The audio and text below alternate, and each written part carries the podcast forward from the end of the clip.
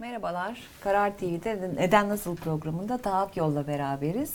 Taha Bey merhaba. Merhaba. Nasılsınız? İyiyim, teşekkür ederim. Siz nasılsınız? Ben de iyiyim, teşekkür ederim. Her zaman böyle güler yüzle, pozitif enerjiyle başlıyorsunuz.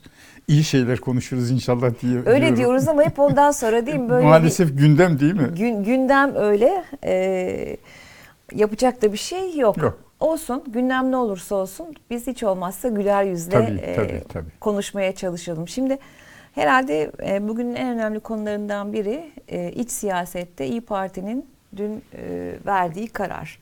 Yerel seçimde biz işbirliğinde yokuz dediler ve büyük bir çoğunlukla bu karar alındı. E, şimdi bu kapı kapandı deniyor. Kapı kapandı mı yoksa e, kapandı ve kilitlendi mi? Kapandı da kilitlenmedi diyelim. Ee, e, Çünkü Genel İdare Kurulu'nda sadece 14 e, üye e, işbirliği yapalım e, diyor. E, 30 küsür 34 'tü 34 galiba. 34 üyede işbirliğine e, hayır e, diyorlar. E, bu karardan e, vazgeçip şimdi şöyle yapacağız demek e, bir hayli zor. Sadece aritmek e, bakımından değil. İkide bir karar değiştiren bir parti görüntüsü vermek gibi e, çok kötü e, bir gölgenin e, düşmesi e, bakımından da son derece kötü. Zor ama yine de eğer seçimlerde işbirliği yapılarak hem Cumhuriyet Halk Partisi'nin hem İyi Parti'nin dolayısıyla bütün muhalefetin memnuniyetle karşılayacağı bir sonuç alınırsa bunların hepsi unutulur. İyi sonuç alındı denir. Ama bu haliyle e, seçimlerden e, iyi bir sonuç alınamazsa e, o vakit seçimleri sadece mesela Ankara ve İstanbul'da sadece CHP kaybetmiş olmaz. CHP tabanda tarafsız e, seçmende böyle ilk nazarda sebep ne olursa olsun İyi Parti yüzünden oldu diyecektir. Bir hayli zor bir pozisyon. Hem İyi Parti'de hem diğer sağ partilerde şöyle bir sıkıntı var. Bu gerçek bir sıkıntı. E, buna nasıl çözüm buldular bilmiyorum. Bulmalılardı. Henüz e, bulduklarını söylemek mümkün değil. E, CHP ile e, ittifak yapmak bu partilere yaramadı. Gerçi meclise girmesi, e, barajı aşması zor görünen partiler Cumhuriyet Halk Partisi kontenjanından aday olarak meclise girdiler. E, ama İyi Parti beklediği oyları alamadı. E, %10 civarında eski oy neyse onu e, muhafaza etti. Demek ki ittifak e, İyi Parti'ye e, fayda getirmedi. Şu argüman da doğrudur e, ve bu argümanı e, biz e, diğer sağ partilerde de görüyoruz. Hatta bunu e, Sayın Babacan da e, açıkça ifade etti. E, bu partiler, sağ partiler bir tür Cumhuriyet Halk Partisi'nin gölgesi altında kimliklerini kaybettiler demeyelim de aşındı. Gölgede kaldı onların kimlikleri. Kendi kimliklerini, iddialarını yeterince ortaya koyamadılar. Tabanlarını yeterince motive edemediler.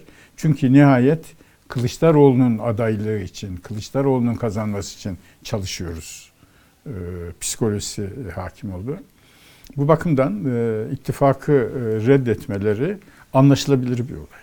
Fakat ittifakı reddetmenin alternatifi toptan işbirliğini reddetmek miydi? Hı hı. E, mesela bir e, İyi Partili Ankara'da e, Mansur Yavaş gibi başarılı bir, e, başarılı, sevilen e, ve milliyetçi e, bir belediye başkanının karşısında aday çıkardığında ne diyecek ben merak ediyorum. E, söylem zorlu. E, İstanbul'da e, Ekrem İmamoğlu'na Sayın Meral Akşener'in Cumhurbaşkanlığı seçimleri sürecinde nasıl destek verdiği, nasıl beraber ikili miting yaptığı yakınlar, CHP evet. olmadan.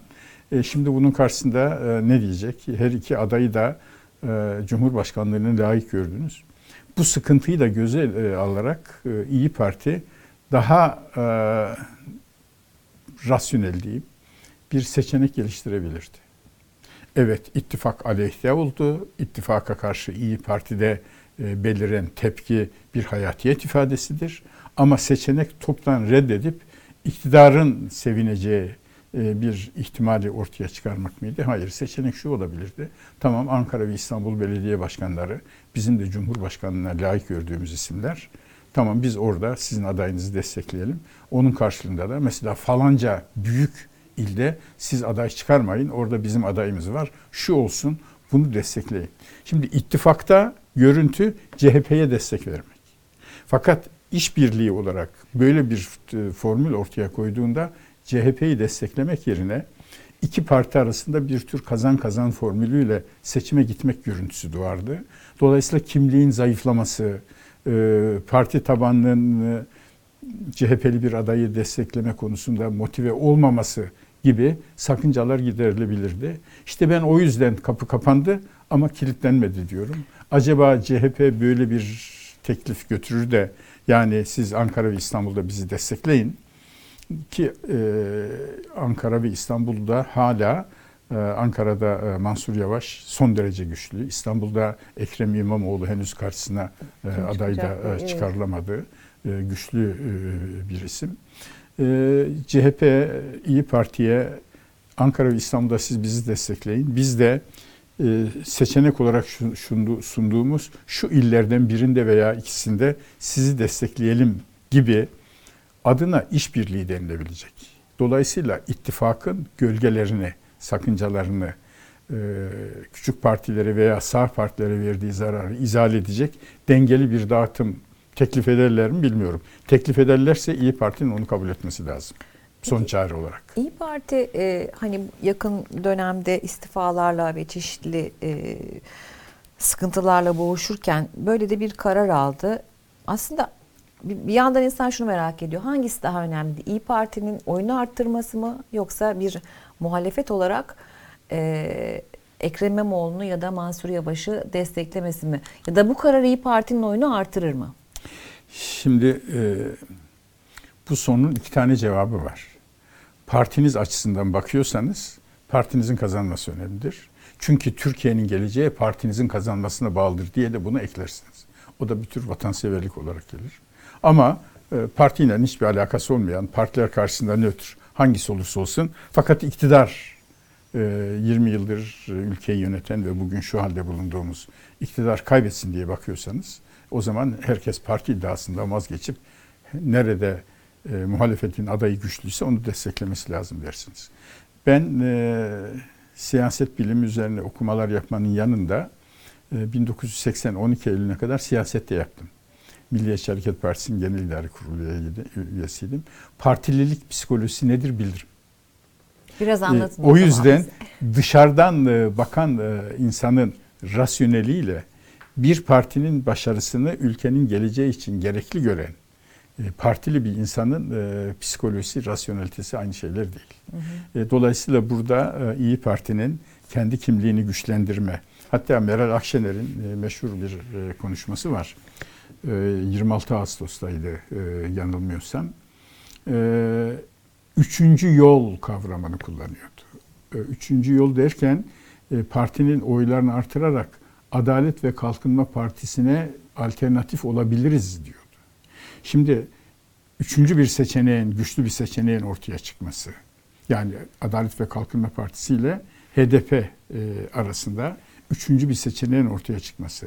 Bunun e, iktidara karşı seçenek haline gelmesi, yüzde yirmiler, yüzde otuzlar civarında oy alması Türkiye için gerçek bir çıkış yoldur.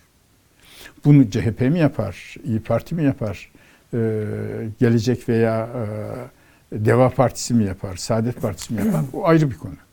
Ama bu doğru bir fikir. Şimdi doğru fikre hangi yoldan gidilecek? İttifakı reddetmeniz anlaşılıyor. Doğru ittifakı reddetmek. E, Üçüncü yol olması için parti kimliğinin güçlenmesi lazım. Ama e, bütün ülkede e, iktidarın memnun olacağı bir formülle e, tek başına seçime girmek mi sizi üçüncü yola götürecek? İşte burada daha analitik düşünmeleri gerekirdi. E, Daha araştırma yapmaları, yaptırmaları gerekirdi. Yani Genel İdare Kurulu'ndaki e, 35 kişinin hayır, e, 14 kişinin e, evet işbirliğine e, evet e, demesi yerine farklı seçeneklerin nasıl bir seçim sonucu vereceği ve bundan da e, İyi Parti'nin e, ne tür e, sonuçlar alacağı konusunda araştırma yapılarak e, bir karar verilse e, daha iyi olur. Yani işbirliği kavramı altında bir üçüncü yol bulunabilirdi. İş, işbirliği kavramı altında. Şimdi işbirliği deyince ben seni şurada destekliyorum ama sen de beni burada destekliyorsun. Tabii. 6 tane Cumhurbaşkanı yardımcısı gibi bir garibe değil bu. Bir ucube değil. Cumhurbaşkanı e, Kemal Kılıçdaroğlu aday. E, onun yanında 5 tane parti, 2 tane de 7. 2 tane de e, belediye başkan yardımcısı.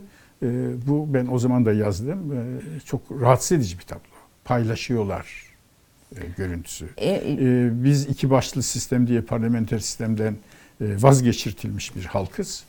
E, şimdi ne kadar e, parlamenter sistemin erdemleri görülmüş olsa da e, şimdi yedi tane Cumhurbaşkanı yardımcısı var. Bunlar yadırgandı. Böyle yadırgamaya meydan vermeden evet ya makul yani bak İyi Parti e, şurada CHP'yi destekliyor ama CHP de burada İyi Parti. Cumhuriyet Halk Partisi de burada seçime girmiyor. Önemli bir e, başka büyük şehir. Orada e, Cumhuriyet Halk Partisi de İyi Parti'yi destekliyor.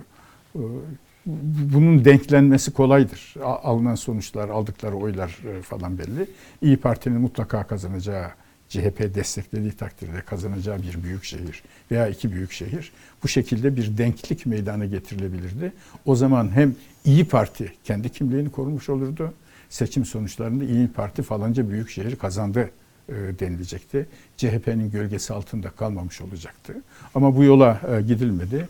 Biz e, hayır hiçbir yerde desteklemiyoruz dendi. Böyle olunca belediyelerden halen muhalefetin elinde bulunan birkaç yeri, 3-5 yeri kaç tane ise e, iktidar aldığında e, bunu e, özellikle CHP mekanizması İyi Parti yüzünden diye propaganda edecektir ve karşı savunmayı yapmak da kolay olmayacaktır. E ama artık o saatten sonra zaten ne kadar tartışılsa da Şimdi bu sizin için öyle, benim için böyle. Bizim için partilerin bir önemi yok. Ben bunu zaten ifade ediyorum. Seçimlerde benim tavrım denetim ve dengedir. Türkiye denetim ve denge e, denetlenemeyecek ve dengelenemeyecek güçlü bir iktidarın ülkeyi nereye getirdiğini gördü. Türkiye koalisyonlara parçalanmış güçsüz bir iktidarın da ülkeyi nereye götüreceğini gördü. 1994 krizi. Koalisyonlar elinden Türkiye 1990'ları kaybetti. Ama Türkiye aşırı güçlü, denetlenemeyen, dengelenemeyen, bütün yetkilerin de tek elde toplandığı bir yönetimin ne, e, ülkeyi nereye götüreceğini de gördü. 2012 yılında Türkiye'de fert başına milli gelir 12.600 dolar. Yeni açıklanan orta vadeli programa göre 2023 yılında beklediğimiz milli gelir 10 bin dolar. Nereye gitmişiz belli değil mi? Halbuki 20 bin dolar olması lazımdı. İlk trend e, devam etmiş olsaydı yılda aşağı yukarı 900 dolar, 1000 dolar fert başına milli gelirimiz artmış olsaydı şimdi bizim 20 bin dolarlık bir ülke olmamız lazımdı. 10 bin dolara düştük. E, böyle olunca koalisyonlar kötü, bunu yaşadık. E, denetlenemeyen, dengelenemeyen bir iktidar da kötü, bunu yaşadık. O vakit muhalefeti güçlendiren e, bir tavır lazım. Benim tavrım o. Şimdi yerel seçimle aslında devam edelim. AK Parti'nin de İstanbul ve Ankara adayları henüz belli değil ama işte İçişleri Bakanı Ali Yerlikaya'nın adı çok konuşuluyordu ama bugün bir e, açıklama, Açıklama yaptı. yaptı. Ali Yerlikaya'nın böyle bir açıklama yapmasını ben çok büyük memnuniyetle karşılaş, e, karşıladım. Ben Ali Kaya ile hayatımda hiç yüz yüze gelmedim. Hiçbir telefon konuşmam da e, olmadı. O İstanbul valisiydi. Ben kendi işimi yapan bir gazeteciyim. Ama kendisini çok beğeniyorum, çok takdir ediyorum. İçişleri Bakanı olarak ağzından bir defa partizanca bir söz duymadık. Ağzından bir defa e, muhalefete haksız hücumlar atan Süleyman Soylu'nun yaptığı gibi çamur atan bir konuşma duymadık. İşini iyi yapıyor. Bu işini iyi yapmak kavramı Türkiye gibi Orta Doğu ülkelerinde maalesef çok bilinmeyen, o yüzden de normalin üstünde değeri olan bir kavramdır. İşini iyi yapmak. Ali Yerlikaya işini iyi yapıyor. Onun e, böyle e, bu vasfıyla temayüz eden e, Türkiye'nin yeni yeni tanımakta olduğu bir devlet adamının siyaset meydanlarında parti kavgası seviyesine düşmesini istemezdim. Düşmedi. İyi oldu. Ee, Bir de şöyle bir şey var. Ee, AK Parti'nin İstanbul Büyükşehir Belediye Başkanı aday adaylığını açıklayan Metin Külünk, e, Elif Çakır ve Yıldıray Yorum programının konuğuydu. E, ve o da ilginç şeyler söyledi. Çok ilginç şeyler Çok söyledi. ilginç şeyler söyledi. E, ardından da e, hani medyada, sosyal medyada ve diğer e, medya kuruluşları da çok tartışıldı, konuşuldu bu cümleler. 15 Temmuz'dan sonra Sayın Erdoğan müthiş bir güç oldu her anlamda. Bu güç üzerinden belli noktalarda kontrol edilmeyen, edilemeyen derebeylikleri oluştu. Maddi ve manevi çıkar alanları oluşturuldu. Bunlar teşkilatlara kimseyi yaklaştırmadılar. Kendi akıllarına göre dizayn etmek istediler. Dolayısıyla Sayın Ali Yerlikaya'nın raftan indirip harekete geçirdiği tüm operasyonlar toplumun hafızasındaki operasyonlardır. Şimdi bahsettiğim derebeylik meselesi siyasetin toplumdaki güvenini eritiyor. Bunu Evet. görmek ve arınmak zorundayız gibi bayağı e, AK Parti'yi ciddi eleştiren e, bazı cümleleri oldu. Videoda hazır Son sanıyorum derece, e, programdaki. önemli, evet. e, Evet. o- ona da isterseniz Şu videoyu arkadaşlar başlatmadan Evet. e, şunu Buyur- e, söyleyeyim. Güç, Arkadaşlar onu Sayın hazırlarken gücünü elinde e, tutan, Sayın olduğu Külünk'ün sözlerinde kontrol edilemeyen güç kavramı son derece önemli. 85 milyon Türkiye Cumhuriyeti vatandaşı bu kontrol edilemeyen güç kavramını zihnine yerleştirmeli. Tarihe bakarken bile kontrol edilebilen bir güç tarihte ne yapmış? Kontrol edilemeyen bir güç tarihte bizim tarihimizde ne yapmış onu düşünmeli. Evet. Kontrol edilemeyen güç. İzleyelim.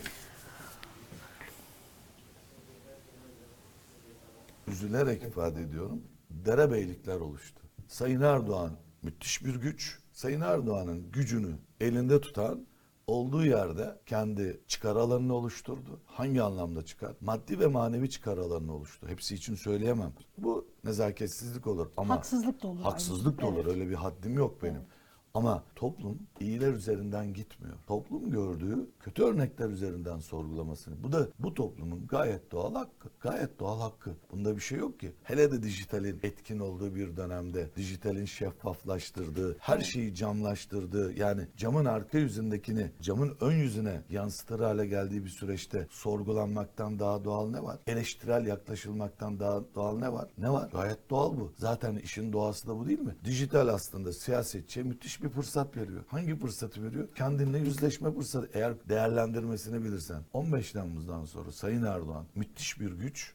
Evet, her anlamda müthiş bir güç. Bu güç üzerinden belli noktalarda kontrol edilemeyen, edilmeyen derebeylikler oluştu. Bu derebeylikler maddi ve manevi çıkar alanları oluşturdu. Teşkilatlara kimseyi yaklaştırmadılar, yaklaştırmak istemediler. Teşkilatları derebeylik aklına göre dizayn etmek istediler. Toplumun itirazı, kapıları belli kısımda kapattılar. Yani toplum iletişim kurma bugün siyasetle Hala devam ediyor mu? ettiği yerler var tabii ki yani hiç şüphesiz var. Dolayısıyla Sayın Ali Yerlikaya'nın raftan indirip harekete geçirdiği bütün operasyonlar toplumun hafızasında bilinen neden bunlar bu kadar rahat hareket ediyor diye sorgulanan Ali Bey Sayın Bakanımız bu anlamda harekete geçince toplumun çok öne ayırt etmeden CHP'lisi, MHP'lisi, AK Partili kim olursa olsun herkeste müthiş bir rahatlama ve bir Sayın Bakanımıza yönelik bir Sempati oluştu. parti oluşturdu. Demek ki olabilir. Tamam. Şimdi e, yine aynı vurguyu yapacağım. Kontrol edilemeyen güç. E, 16 Temmuz'dan sonra Cumhurbaşkanı hükümet sistemi getirildi biliyorsunuz. E, Sayın Erdoğan'ın elinde teşekkül eden kontrol edilemeyen güç ve bu güçten yukarıdan aşağıya doğru e, derebeyliklerin oluşması, bunların olduğu yerde e, çıkar e, grupları meydana getirmesi diye anlatıyor. E, bu siyaset biliminin yüzlerce yıldır yazmakta olduğu bir gerçek. Güç bozar, mutlak güç mutlaka bozar. O gücün sahibi isterse İslamcı olsun, isterse liberal olsun, isterse Atatürkçü olsun, isterse sosyalist olsun, isterse milliyetçi olsun. Güç bozar, mutlak güç mutlaka bozar. İşte o yüzdendir ki demokrasinin tarifinde olmazsa olmaz unsurlardan biri denetim ve dengedir. Denetim Sayıştay denetimi. Denetim parlamento denetimi. Dikkat edin parlamentoda Cumhur İttifakı grubu yolsuzlukla ilgili veya herhangi bir sorunla ilgili muhalefetin verdiği bütün soruşturma önergelerini reddediyor. Reddet. Yani denetim imkanı vermiyor. E, parlamentodaki meclis çoğunluğu iktidar sahiplerinin inisiyatifinde olunca denetim işlemiyor. Sayıştay e, denetiminin ne kadar kısıtlandığını, e, Sayıştay raporlarının sayfalarının ne kadar azaldığını da e, biliyoruz. Dengeye gelince iktidarı dengeleyecek muhalefet yok. İşte o yüzden diyorum ki bu seçimlerde benim prensibim denetim ve denge. Yani iktidarın kaybettiği büyük şehri, büyük şehirleri tekrar ele geçirmesi halinde bu e, Sayın Külünk'ün ifadesiyle kontrol edilemeyen güç daha da güçlenecek. E, denetim ve denge daha e, fazla zayıflayacak. E, bu yüzden e, Metin Külünk'ün e, bu sözlerini ileride bugünleri araştıran siyaset sosyologlarının, siyaset bilimcilerinin bir veri olarak kullanacağını inanıyorum. Nitekim Yakup Kadri Karasmanoğlu Atatürk'ün yanındaki en e, yakınındaki ona ömrü boyunca sadık kalmış olan bir yazar Yakup Kadri Karosmanoğlu. Hatta Yakup Kadri Karosmanoğlu CHP'li kendisi CHP milletvekili 1964 yılında İsmet Paşa'yı Atatürk yolundan saptı diye suçlayarak CHP'den istifa eden bir yazar. Çok değerli bir yazar. Bizim edebiyatımızın en büyük Halide Edipler e, sırasında e, bir yazar. Onun e, Panorama adlı bir romanı var. İster Atatürkçü, ister muhafazakar, ister muhalif, ister e, iktidar yanlısı izleyicilerimizden rica ediyorum. O romanı bir okuyun. 1930'lar Ankara'sındaki siyaseti anlatıyor. Okurken de Metin Külünk'ün bu sözleri elinizde bulunsun, karşılaştırın. Aynı şey. Yani iktidardaki kim olursa olsun güç bozar, mutlak güç mutlaka bozar. Bunu önlemenin yolu denetim ve denge. İşte Türkiye'nin problemi ya güçlü iktidar kuramamak, koalisyonlar 1990'lı yılları Türkiye'ye e, kaybettirdi. 1990'lı yıllar Güney Kore'nin e, teknoloji hamlesi yaptığı yıllar. Hı hı. Bizim için kayıp yıllar. Koalisyonlar yüzünden. Ay koalisyonlar kötüymüş. Geldik buraya. Şimdi de aşırı güç yüzünden e, e, Sayın Külünk'ün ifadesiyle kontrol edilemeyen güç e, yüzünden Türkiye 10 bin dolar daha fazla milli gelire sahip olacakken 20 bin dolar olabilecekken 10 bin dolara düşmüş bir ülke. Onun için denetim ve denge. Böyle olunca hangi partinin ne kadar kıymetli olduğu benim gözümde teşekkür ediyor. Ben e, partinin, partilerin hamasetlerine bakmıyorum. Partilerinin öbür partileri kötüleyen sözlerine bakmıyorum. Kendilerini öven sözlerine bakmıyorum. Denetim ve denge şuuru ne? O denetim ve denge e, mekanizmasının gelişmesinde yapabilecekleri ne?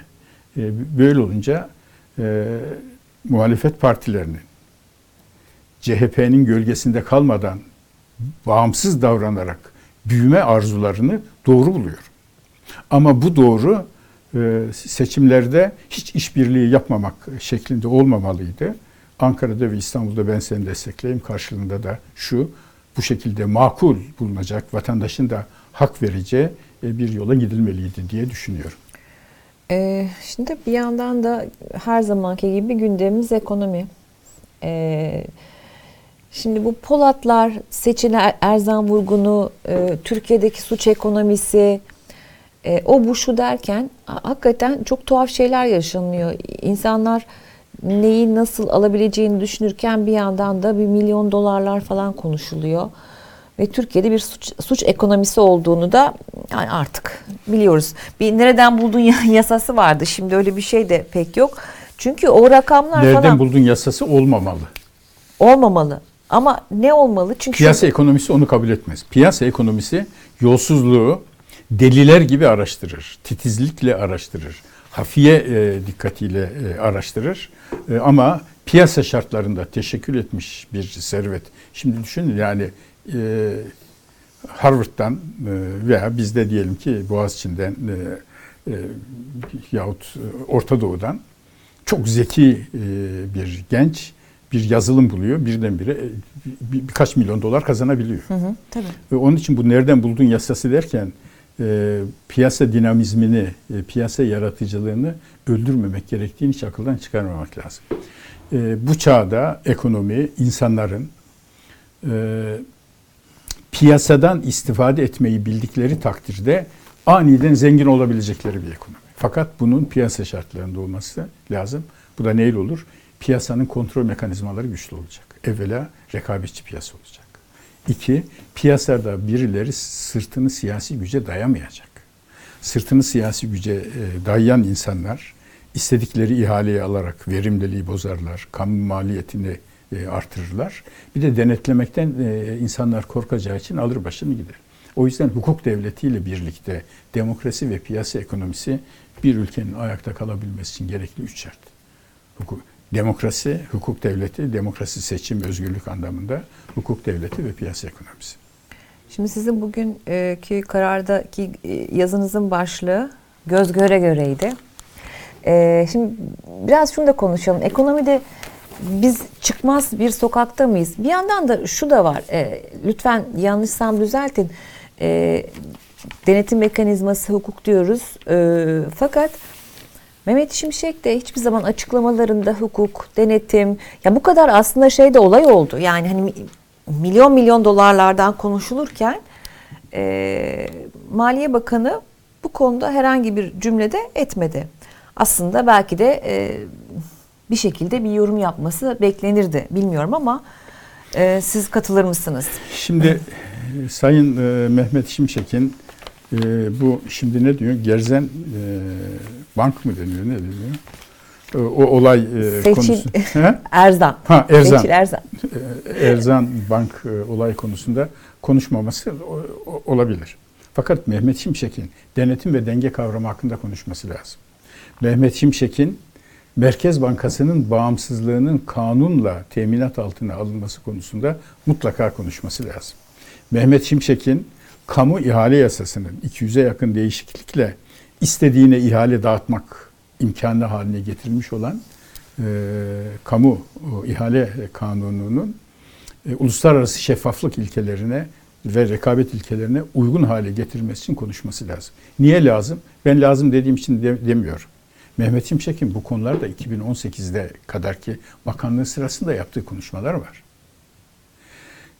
E, yetki elimde olsa diyor Mehmet Şimşek e, 2017'deki bakanlığı sırasında yetki benim elimde olsa diyor e, kamu ihale yasasındaki kanundaki bütün istisnaları kaldırırım. Yani istisnalar ihaleye çıkarmadan verme demek. İşte acil bir durum var, ihaleye çıkarmadan e, vermek. E, şimdi niye demiyor?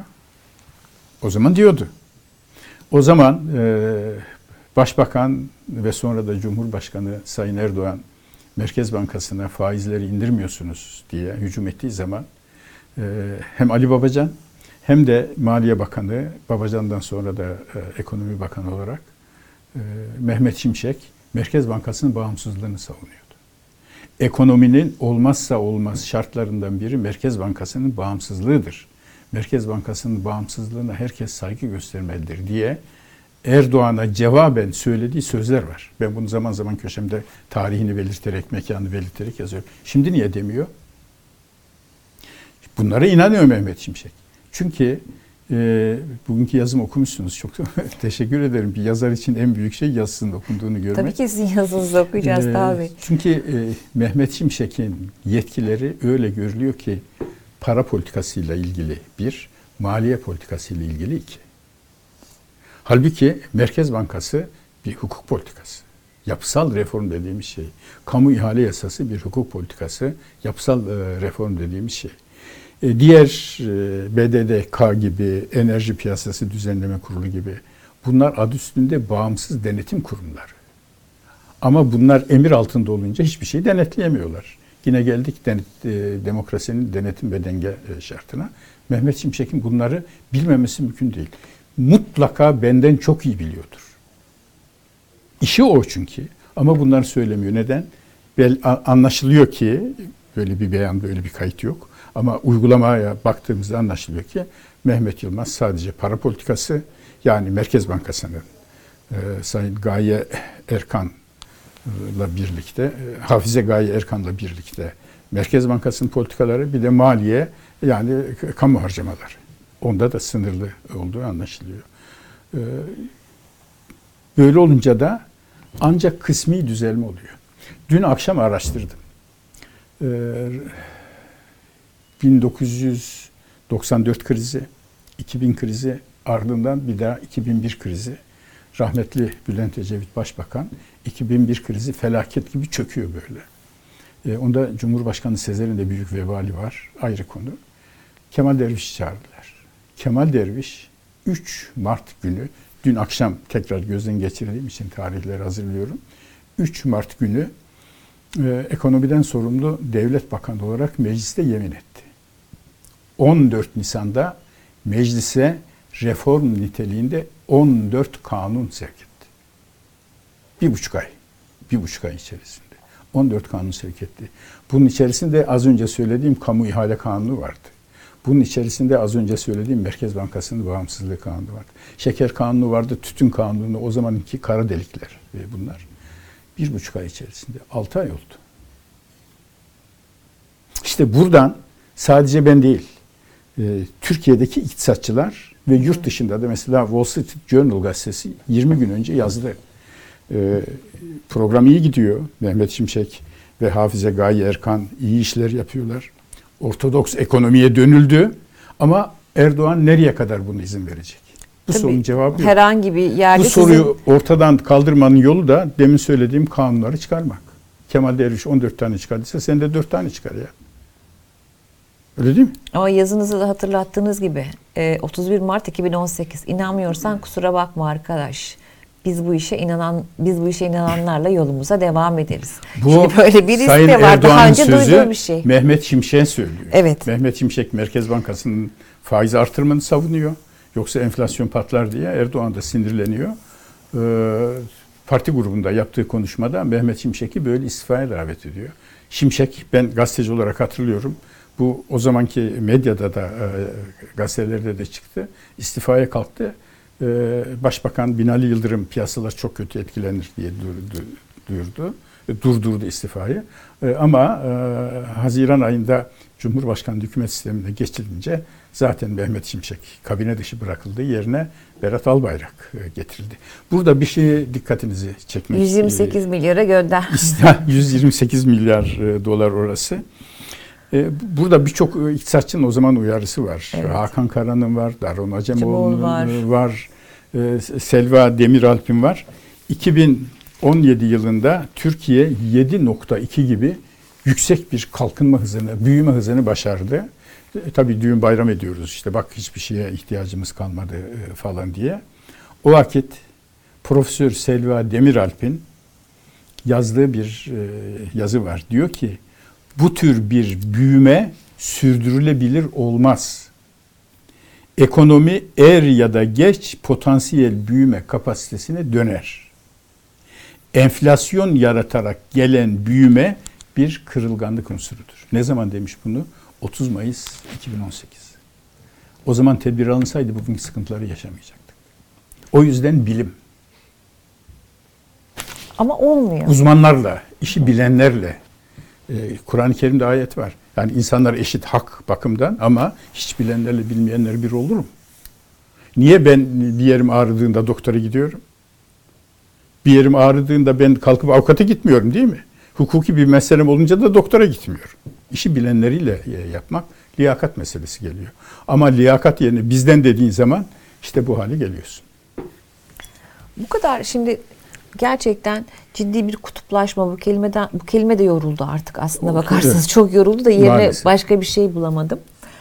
Fakat öyle bir noktadayız ki yani işte e, Altın Kelebek ödülünde ödül alan oyuncu e, sokak hayvanlarının ha- hakkında bahsettiği için Cumhurbaşkanı'nın danışmanı çok sert bir şekilde ele- eleştiriyor. Yani işte Gazze'de bu olaylar yaşanırken e, bunlar konuşuluyor falan diye. Aslında hiçbirbiriyle alakası olmayan bazı şeyler. Fakat ne olursa olsun hep konuşuyoruz. E, Gazze konusunda da muhalefette e, iktidara oy verenler de çok benzer şeyler düşünüyorlar. Tabii, tabii. Hiçbir e, fark yok.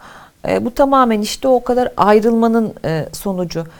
Cumhuriyet tarihinde hiç biz böyle bir dönem yaşadık mı? Siz e, bu Yaşadık konuda maalesef. Yaşadık. orayı biraz Bu anlatır bizim mısınız? hastalığımızdır. Bunu e, yani iktidarda olanların e, kendilerini milletle, devletle, milli menfaatle özdeşleştirip ben vatan için çalışırken bana karşı çıkanlar haindir söylemi bizim e, ezeli hastalıklarımızdan biridir.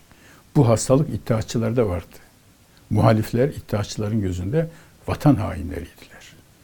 E, bu Cumhuriyet'in erken yıllarında da var. Yani Kazım Karabekir milli mücadelenin ilk zaferini kazanan Kars'ı kurtararak Doğu sınırımızı çizerek ilk zaferini kazanan Doğu Cephesi kumandanı. Hain olur mu bu? Buna hain denildi. E, kelepçe vurulup Cebeci hapishanesine e, atıldı. Neden? E, iç siyaset kavgaları yüzünden. Sonra e, Demokrat Parti'nin kuruluşu, Cumhuriyet Halk Partililer bu üst kademenin değil alt kademenin propagandası, Cumhuriyet Halk Partili kalemşörlerin propagandası Demokrat Parti Rus parasıyla kuruldu. Niye Rus parası? Çünkü o zaman Stalin Kars ve Ardahan istiyordu. Stalin parasıyla kuruldu olmak o gün ne kadar ağır bir suçlamadır. Adnan Menderes'in konuşmaları var. Biz asla Rusya'nın adamı değiliz. Biz Rusya'ya karşıyız. Biz Batı ile ittifakı savunuyoruz. Biz asla Ruslarla bir alakamız yok. Bunlar külliyen e, iftiradır. İspat edin diye Adnan Menderes'in yapmak zorunda kaldığı konuşmalar var. Sonra devir değişiyor. Bu defa Demokrat Parti. 1954 seçimlerinde Gülay Hanım meclisteki milletvekillerinin 530'u 530 küsuru Demokrat Partili. Halk Partisi'nin sadece 37 tane milletvekili var. Bir de 3 tanecik e, Osman Bölükbaşı'nın Kırşehir'den çıkardığı Millet Partisi'nin e, milletvekili var. Böyle bir dönemde muhalefete baskılar yapılıyor. Ne deniyor biliyor musunuz? Cumhuriyet Halk Partisi bizim radyonun e, taktiklerini, emirlerini uyguluyor. Bizim radyo Moskova radyosu. Türkçe yayınını bizim radyo diye yapıyor. Moskova'dan yapılan Türkçe yayınlar, işte Nazım Hikmet'in şiirleri falan okunuyor. Türkiye'ye emperyalistlerin e, işgal ettiği ülke falan deniliyor. Demokrat Parti çıkıyor.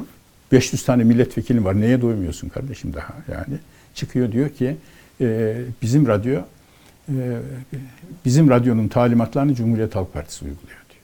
O zaman da İsmet İnönü'nün e, konuşmaları var. Biz asla vatan haini değiliz. Biz de biz milli mücadele şunu yaptık bunu yaptık diye. Bu hastalıklı bir kültür. Kim yaparsa yapsın. Türkiye'nin artık böyle hamaset yerine şunu düşünmesi lazım. Yıl 1962. Kore'de fert başına milli gelir 61 dolar. Türkiye'de fert başına gelir 21 dolar. Yıl 2022. Kore'de fert başına milli gelir 35 bin dolar. Türkiye'de 10 bin dolar. Niye? İşte vatanseverliğin ölçüsü bu. Bunu bulacaksın kardeşim. İşte oradan da şu geliyor. Düzgün işleyen bir devlet mekanizması, denetim, denge, bilimde e, öncelik. E, Ankara'da TÜBİTAK, e, pardon, e, Türkiye Bilimler Akademisi, TÜBA tarafından 2022'de yayınlanmış olan bir Türkiye Bilim raporu var. O raporda e, diyor ki 2070'ler olması gerekir. 2070'e kadar diyelim. 70 veya 75'ti rakam tam hatırlamıyorum yılı. 2070 yılına kadar Türkiye'nin ve Güney Kore'nin Citation indeksi, atıf indeksine giren makalesi, bilimsel makale sayısı eşitti. Bugün Güney Kore'nin e, indekse giren makale sayısı Türkiye'nin 5 katı. İşte o yüzden onlarınki 35 bin dolar, bizimki 10 bin dolar. Konu vatanseverlik işte bu, Atatürkçülük işte bu, muhafazakarlık işte bu, emperyalizme karşı olmak işte bu. Ama biz işin hamasetindeyiz. Ee, ama işe de yarıyor demek ki. Yarıyor maalesef. Yani bir şekilde yarıyor. Şimdi e, tabii bir de İsrail-Hamas e, arasındaki savaştan isterseniz bahsedelim.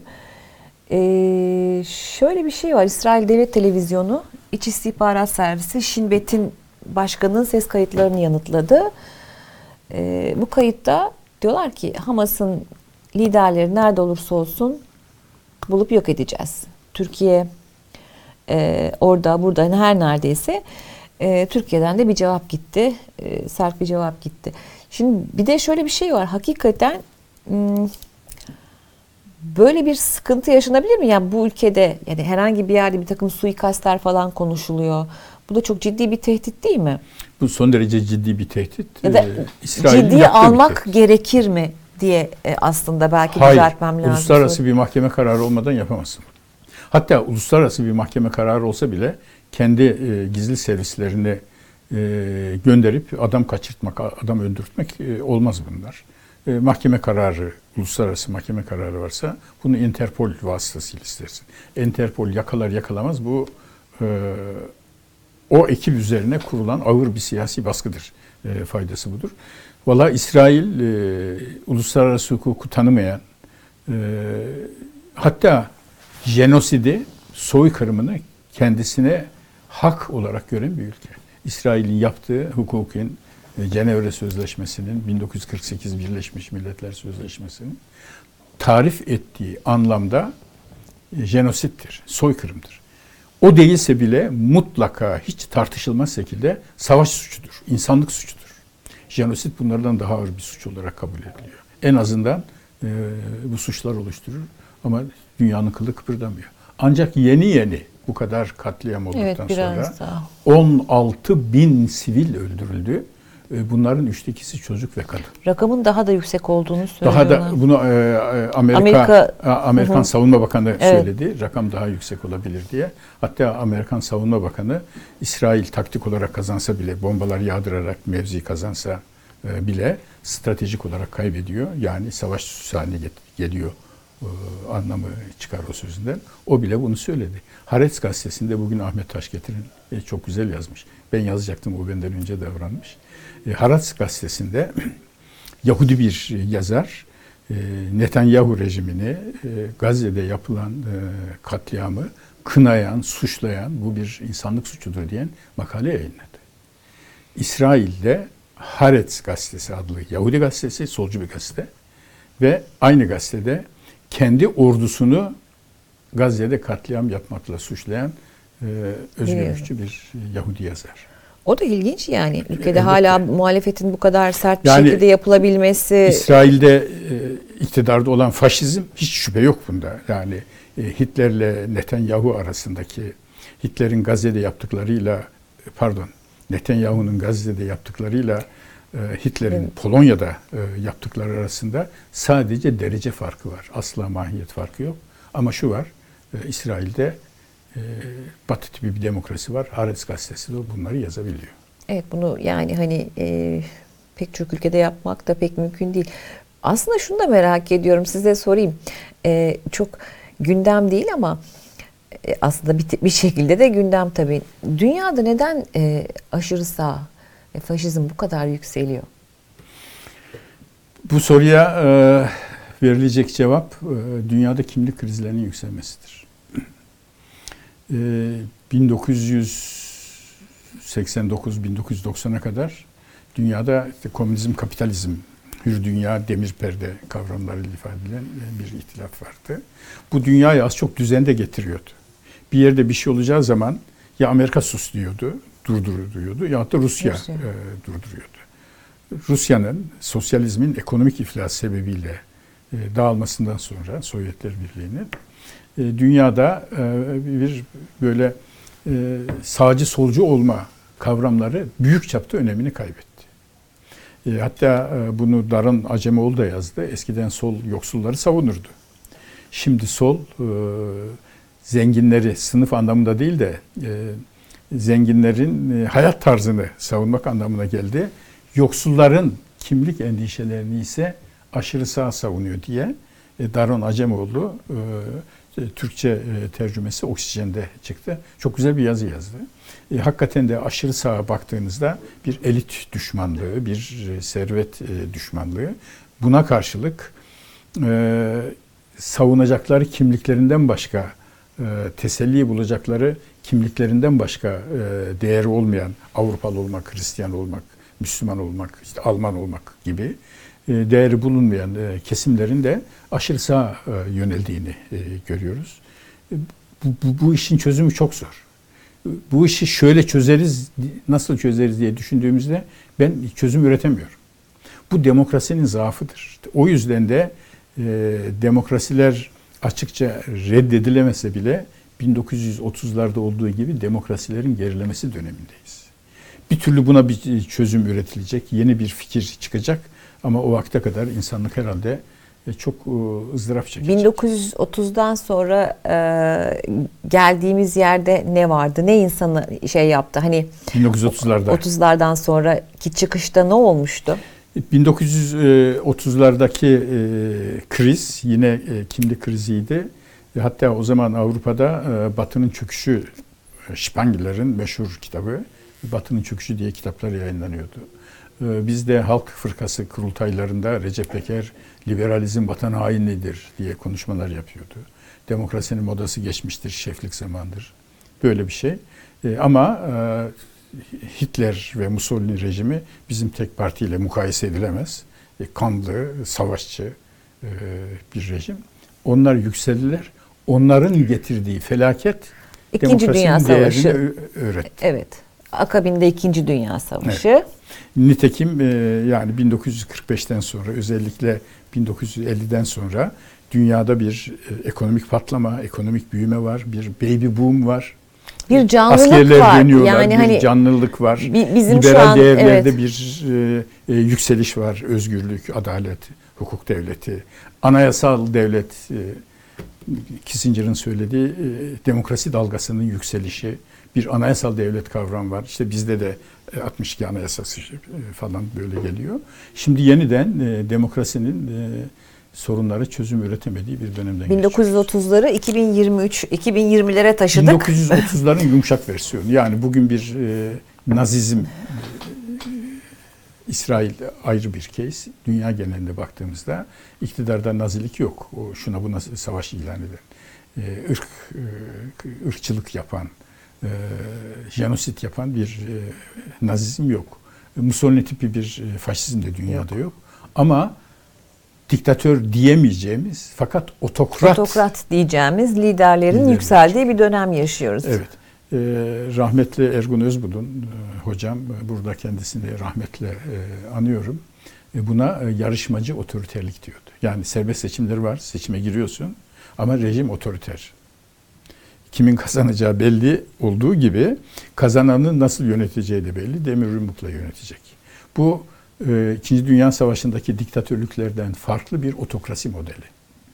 E ama yani günümüze uyarladığınızda da çok da bir farkı e, yani Çok da bir farkı var. çok da bir farkı var ama e, ya bu devirde zaten öylesinin olması Olmaz, herhalde ha. mümkün değildi. Yani bu devirde Hitler olunamaz. Bu devirde Olamazdı. ancak e, İsrail Evet. e, Netanyahu Ancak otokrat olunabilir olabilir. dediğiniz Evet. gibi. Evet Taha Bey, e, aslında böyle gündem dışında da hani gündemle bağlantılı konuları konuşmak e, çok beni mutlu ediyor sizinle. Çünkü Ay, bir sürü şey öğreniyorum. Estağfurullah, E, aslında bugün ederim. Napolyon'u da konuşacaktık. Ya, Ama Napolyon. vaktimiz kalmadı. Yok Napolyon'u ihmal etmeyelim. Ama Evet. Napolyon'u ihmal etmeyelim. Napolyon Önümüzdeki hafta önemli, e, ben aslında hazırlanmıştım ama e, bugün vakit kalmadı. E, modası geçecek bir konu değil, gündemden düşecek bir konu Hürriyet, değil. eşitlik, kardeşlik sloganıyla yapılan Fransız ihtilalinin ateşlerinde Napolyon gibi bir despotun çıkması, üzerinde durulması gereken bir yol. Yani hem despot hem Fransa'yı kurtaran ve refaha ulaştıran bir lider. Aslında çok konuşulacak tarafı var. Aynı zamanda Fransız nesillerini kıran, Evet. Fransa'nın e, artık günümüze kadar Almanya'nın gerisinde kalmasına yol açan bir despot. O zaman haftaya teaser vermiş olalım, haftaya Evet, konuşalım. Peki konuşalım. çok teşekkürler. Ben teşekkür ediyorum. Ee, neden nasıldan bu haftalık bu kadar? Önümüzdeki hafta tekrar görüşmek üzere. Hoşçakalın. Ben de e, iyi hafta sonları diliyorum. Gelecek hafta görüşelim.